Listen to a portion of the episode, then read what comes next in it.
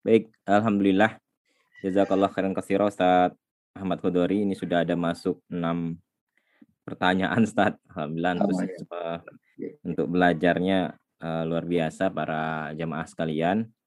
Eee, kita langsung saja Ustaz ya, pertanyaannya dari Pak Sukailan. Mohon pencerahan Ustaz, apakah dengan ayat 99 ini berarti memberikan kesempatan kepada orang beriman untuk berdakwah? Oh, ya. Ya, jadi memang tugas orang beriman, nah, sebagaimana Rasulullah SAW diperintahkan, tugasnya Nabi itu adalah menyampaikan, mengajak. Dakwah itu artinya mengajak ajakan, bukan memaksa. Ya. Ketika sudah disampaikan, sudah diajak, maka nah, selesailah tugasnya. Karena tugasnya Nabi tidak memaksa. Ya, tugasnya Nabi adalah untuk mengajak, untuk menyeru. Dakwah itu artinya seruan, ajakan. Maka kita pun demikian. Kita sebagai umatnya Nabi juga demikian. Ya. Kewajiban kita adalah untuk mengajak, bukan memaksa orang untuk beriman. Ya, nah maka sebaik-baik manusia itu dan umat Nabi itu disebut dengan umat terbaik karena selalu mengajak ya kuntum khaira ummatin ukhrijat linnasi ta'muruna bil ma'rufi wa tanhauna 'anil munkar ya. Ya, wal takum minkum ummatun yad'una ilal khair. Ya, Jadi semua bahasanya adalah yad'una mengajak, da'a yad'u mengajak menyeru. Nah, nah maka eh, bukan hanya tugasnya para nabi, maka tu- tugasnya para orang mukmin itu sendiri juga demikian. Selalu untuk mengajak kebaikan, eh, mengajak kepada keimanan, mengajak kepada eh, kebenaran. Nah, itu perintah eh, semua untuk semuanya. Nah, tapi sekali lagi tidak ada perintah untuk memaksa. Ya. Karena eh, untuk beriman dan tidak beriman tadi itu kan pilihan. Ya. Allah. Baik Ustaz, pertanyaan berikutnya ini ada yang menanyakan tentang Yu- Yusuf ya 103. Ini nunggu pertemuan berikutnya Ustaz ya. Kita belum sampai 103. Oh, ya. Baik, pertanyaan berikutnya untuk umat Nabi Muhammad Shallallahu alaihi wasallam dimungkinkan berlaku azab dunia dalam pelanggaran apa saja ya Ustaz? Salah satu di antara keistimewaan, keutamaan umat Nabi Muhammad ini bahwa Allah itu tidak mempercepat azab terhadap umat Nabi itu di dunia. Jadi beda dengan umat-umat terdahulu bahwa takjilul azab eh, kepada umat terdahulu itu diberikan ya ketika mereka maksiat, mereka durhaka kepada para utusan-utusan Allah, langsung turun azab kepada mereka. Ya. Tapi hal itu tidak kepada umat Nabi Muhammad Sallallahu Alaihi Wasallam. Ya. ya, pada umumnya ya, pada umumnya. Ya. Karena umat-umat seperti kaumnya Nabi Lo dan seterusnya ini, mereka itu azab itu turun ketika di dunia di saat mereka melakukan eh, maksiat atau dosa itu. Nah, adapun bagi umat Nabi Muhammad itu tidak demikian. Tidak semua bahwa kaum atau umatnya kemudian eh, karena suatu dosa mereka diazab dibinasakan tidak. Ya. Nah, maka terutama untuk dosa-dosa yang eh, yang besar ya dosa-dosanya. Itu kalau sudah eh, sudah kebangetan sudah melampaui batas-batasnya. Dosa ke kemusyrikan ya. Nah, kalau dia orang itu eh, di situ masih ada orang beriman masih ada orang yang beristighfar mohon ampun itu maka bukan azab itu ya. Ya maka dalilnya mengatakan wa makan Allahu liyu'adzibahum wa anta fihim wa makan Allahu mu'adzibahum wa hum yastaghfirun. Dan tidaklah sekali-kali Allah mengazab mereka sementara kamu ada di situ. Ya, dan sekali-kali Allah tidak pernah mengazab ya, mereka ketika mereka masih ada yang beristighfar. Nah, maka dalam konteks itu bahwa nah, bukanlah azab ya kepada umat Nabi Muhammad azab itu kepada umat-umat Nabi terdahulu. Nah, adapun kepada kepada orang yang beriman bukan azab ya. Nah, mungkin sama-sama sama-sama mati gitu ya. Tetapi tidak mesti bahwa kemudian itu adalah kita menyimpulkan oh itu azab bagi dia tidak. Kenapa? Karena dia dalam keadaan beriman, ya dalam keadaan bermasalah. Ya, azab itu bagi orang-orang yang yang tidak beriman. Allah maka hati-hati jangan apa namanya terhadap umat Islam ya begitu. Wah itu karena mereka itu diazab itu ya, diazab. Ah, ini mereka bukan kaumnya Nabi Lot ya, ya mereka umat Nabi Muhammad ini adalah umat yang ya, Nabi aja sayang sama umatnya masa kita ini dikit-dikit ya kayak kita ini nggak punya ya, kasih sayang gitu. Nah, jadi kalau kita ada mohon maaf umpamanya ada orang ahli maksiat ya. Tapi dia masih mengaku bahwa umat Muhammad SAW masih menjadi pengikut Nabi Muhammad masih mengatakan eh, Allahu Rabbi masih ya masih berdoa kepada Allah ya bahkan masih sholat juga gitu ya. Maka berilah kasih sayang kepada mereka doakan mereka kebaikan. Jangan jangan memberikan apa namanya doa azab kepada mereka. Nah, ya Allah mamanya azablah orang-orang yang membuat negara ini bangkrut gitu ya. Yang kita doakan ternyata umatnya Nabi Muhammad semuanya ya. ya doanya ya masih doa yang baik. Ya Allah berikanlah bukakanlah ya Allah kembalikanlah ke jalan. Ya doa azab itu bagi orang yang tidak beriman. Kalau orang beriman ya bukan azab tapi adalah supaya diberikan Allah kembalikan lagi Allah bukakan lagi. Begitu ya. Jangan jangan dikit-dikit obral azab ya. Baik Ustaz. Ya Insya Allah memang kita diberikan pintu taubat yang besar dan kesempatan untuk mendakwahi orang-orang yang di sekitar kita. Begitu Ustaz ya. Paling ya. lebih utamanya di sana tidak perlu mikirin azab atau tidak azab. Takut saja sama azab gitu Ustaz ya pertama di akhirat pasti diazab orang-orang yang tidak taat kepada Allah berikutnya Ustaz pertanyaannya orang tua yang sudah sangat tua dan sudah pikun ya ini saya mencoba memahaminya ya kemudian sakaratul maut lalu ditalkin apakah masih bisa diislamkan? Berarti non muslim ini ya. Memahami pertanyaannya gitu Ustaz. Ya.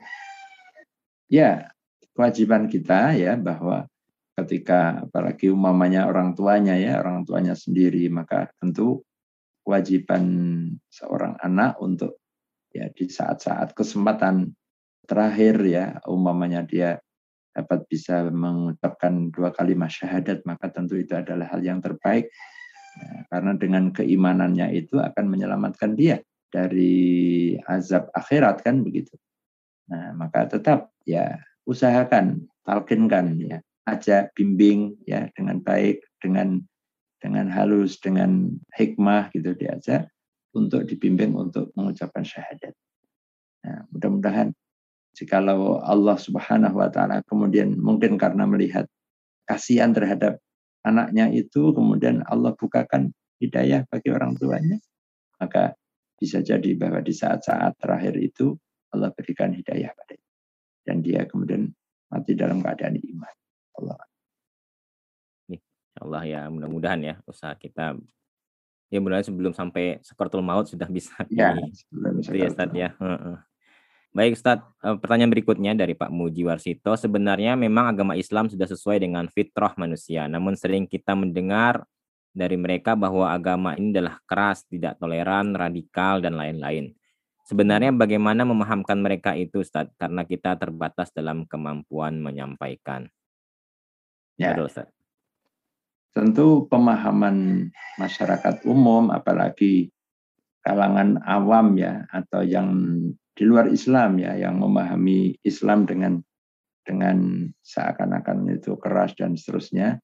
Nah ini bisa jadi karena uh, akibat dari media ya, di media yang informasi yang kebat yang sampai yang selama ini disuguhkan terhadap mereka tentang Islam itu memang yang ditampilkan hal-hal yang buruk ya, sisi-sisi hal-hal yang negatif yang kadang-kadang ya itu sama sekali bukan Islam yang sama sekali Islam berlepas diri daripada itu tetapi kemudian dilabeli bahwa inilah Islam. Ya. Nah inilah kemudian uh, menjadi seakan-akan bahwa uh, Islam itu uh, keras, Islam itu menakutkan. Ya. Buktinya bahwa Islamfobia yang sekarang uh, apa muncul di negeri Barat itu ya, ternyata survei itu menunjukkan bahwa kenapa uh, Islamfobia itu begitu tinggi karena memang masyarakat Barat pada umumnya mereka itu menerima informasi tentang Islam itu salah dari sumber yang anti-Islam. Media-media Barat, media-media Yahudi yang memang anti terhadap Islam yang sesungguhnya. Nah, sehingga selalu yang ditampilkan adalah hal-hal yang selalu negatif terhadap Islam. Ya. Kebaikan Islam, Islam yang sebenarnya, wajah Islam yang sungguhnya ditutup gitu. Nah, dan justru kemudian mengambil hal-hal yang buruk yang padahal di Islam itu tidak ada, tetapi itu di distigmakan bahwa inilah Islam begitu. Nah, nah maka tugas kita adalah bagaimana memberikan informasi yang benar, memberikan penjelasan yang benar. Banyak di antara orang-orang Barat sendiri yang ketika oh, oh ternyata bahwa informasi yang saya dapatkan selama ini dari ya media mainstream di Barat Amerika ya atau negara-negara Barat yang lain tentang Islam itu kan selalu hal-hal yang buruk-buruk, hal yang negatif-negatif gitu ya. Padahal tidak seperti itu sesungguhnya. Bahwa itu semua adalah kebohongan. Ya, itu semua adalah e, dusta yang dibuat-buat ya untuk menjelekkan Islam. Nah, maka ketika mereka melihat sendiri, mereka bertetangga dengan seorang muslim, oh, oh tetangga muslim saya ini baik, mereka menghormati, mereka tidak mereka bisa toleran, mereka tidak pernah mengganggu saya, tidak pernah ya berarti salah informasi yang selama ini saya dapatkan, yang saya paham begitu.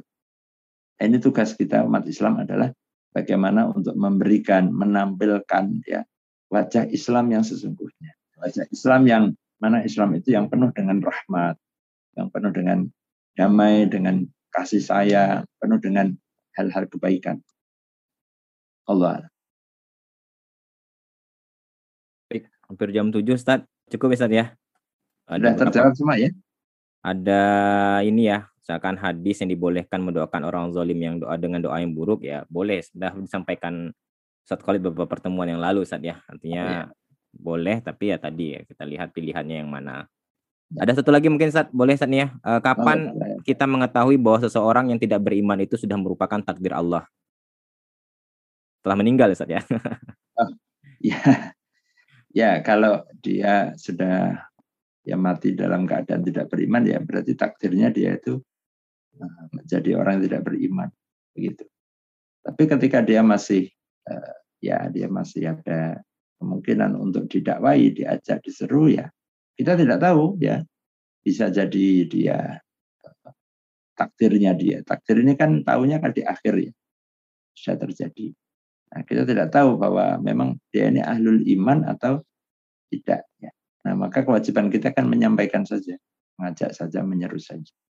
Ya, ya makanya nggak bisa umumnya kita mengatakan ah si A itu, ah itu dia memang sudah takdirnya dia itu eh, memang jadi musuh itu gitu ya. Nah, kita nggak tahu ya kenapa.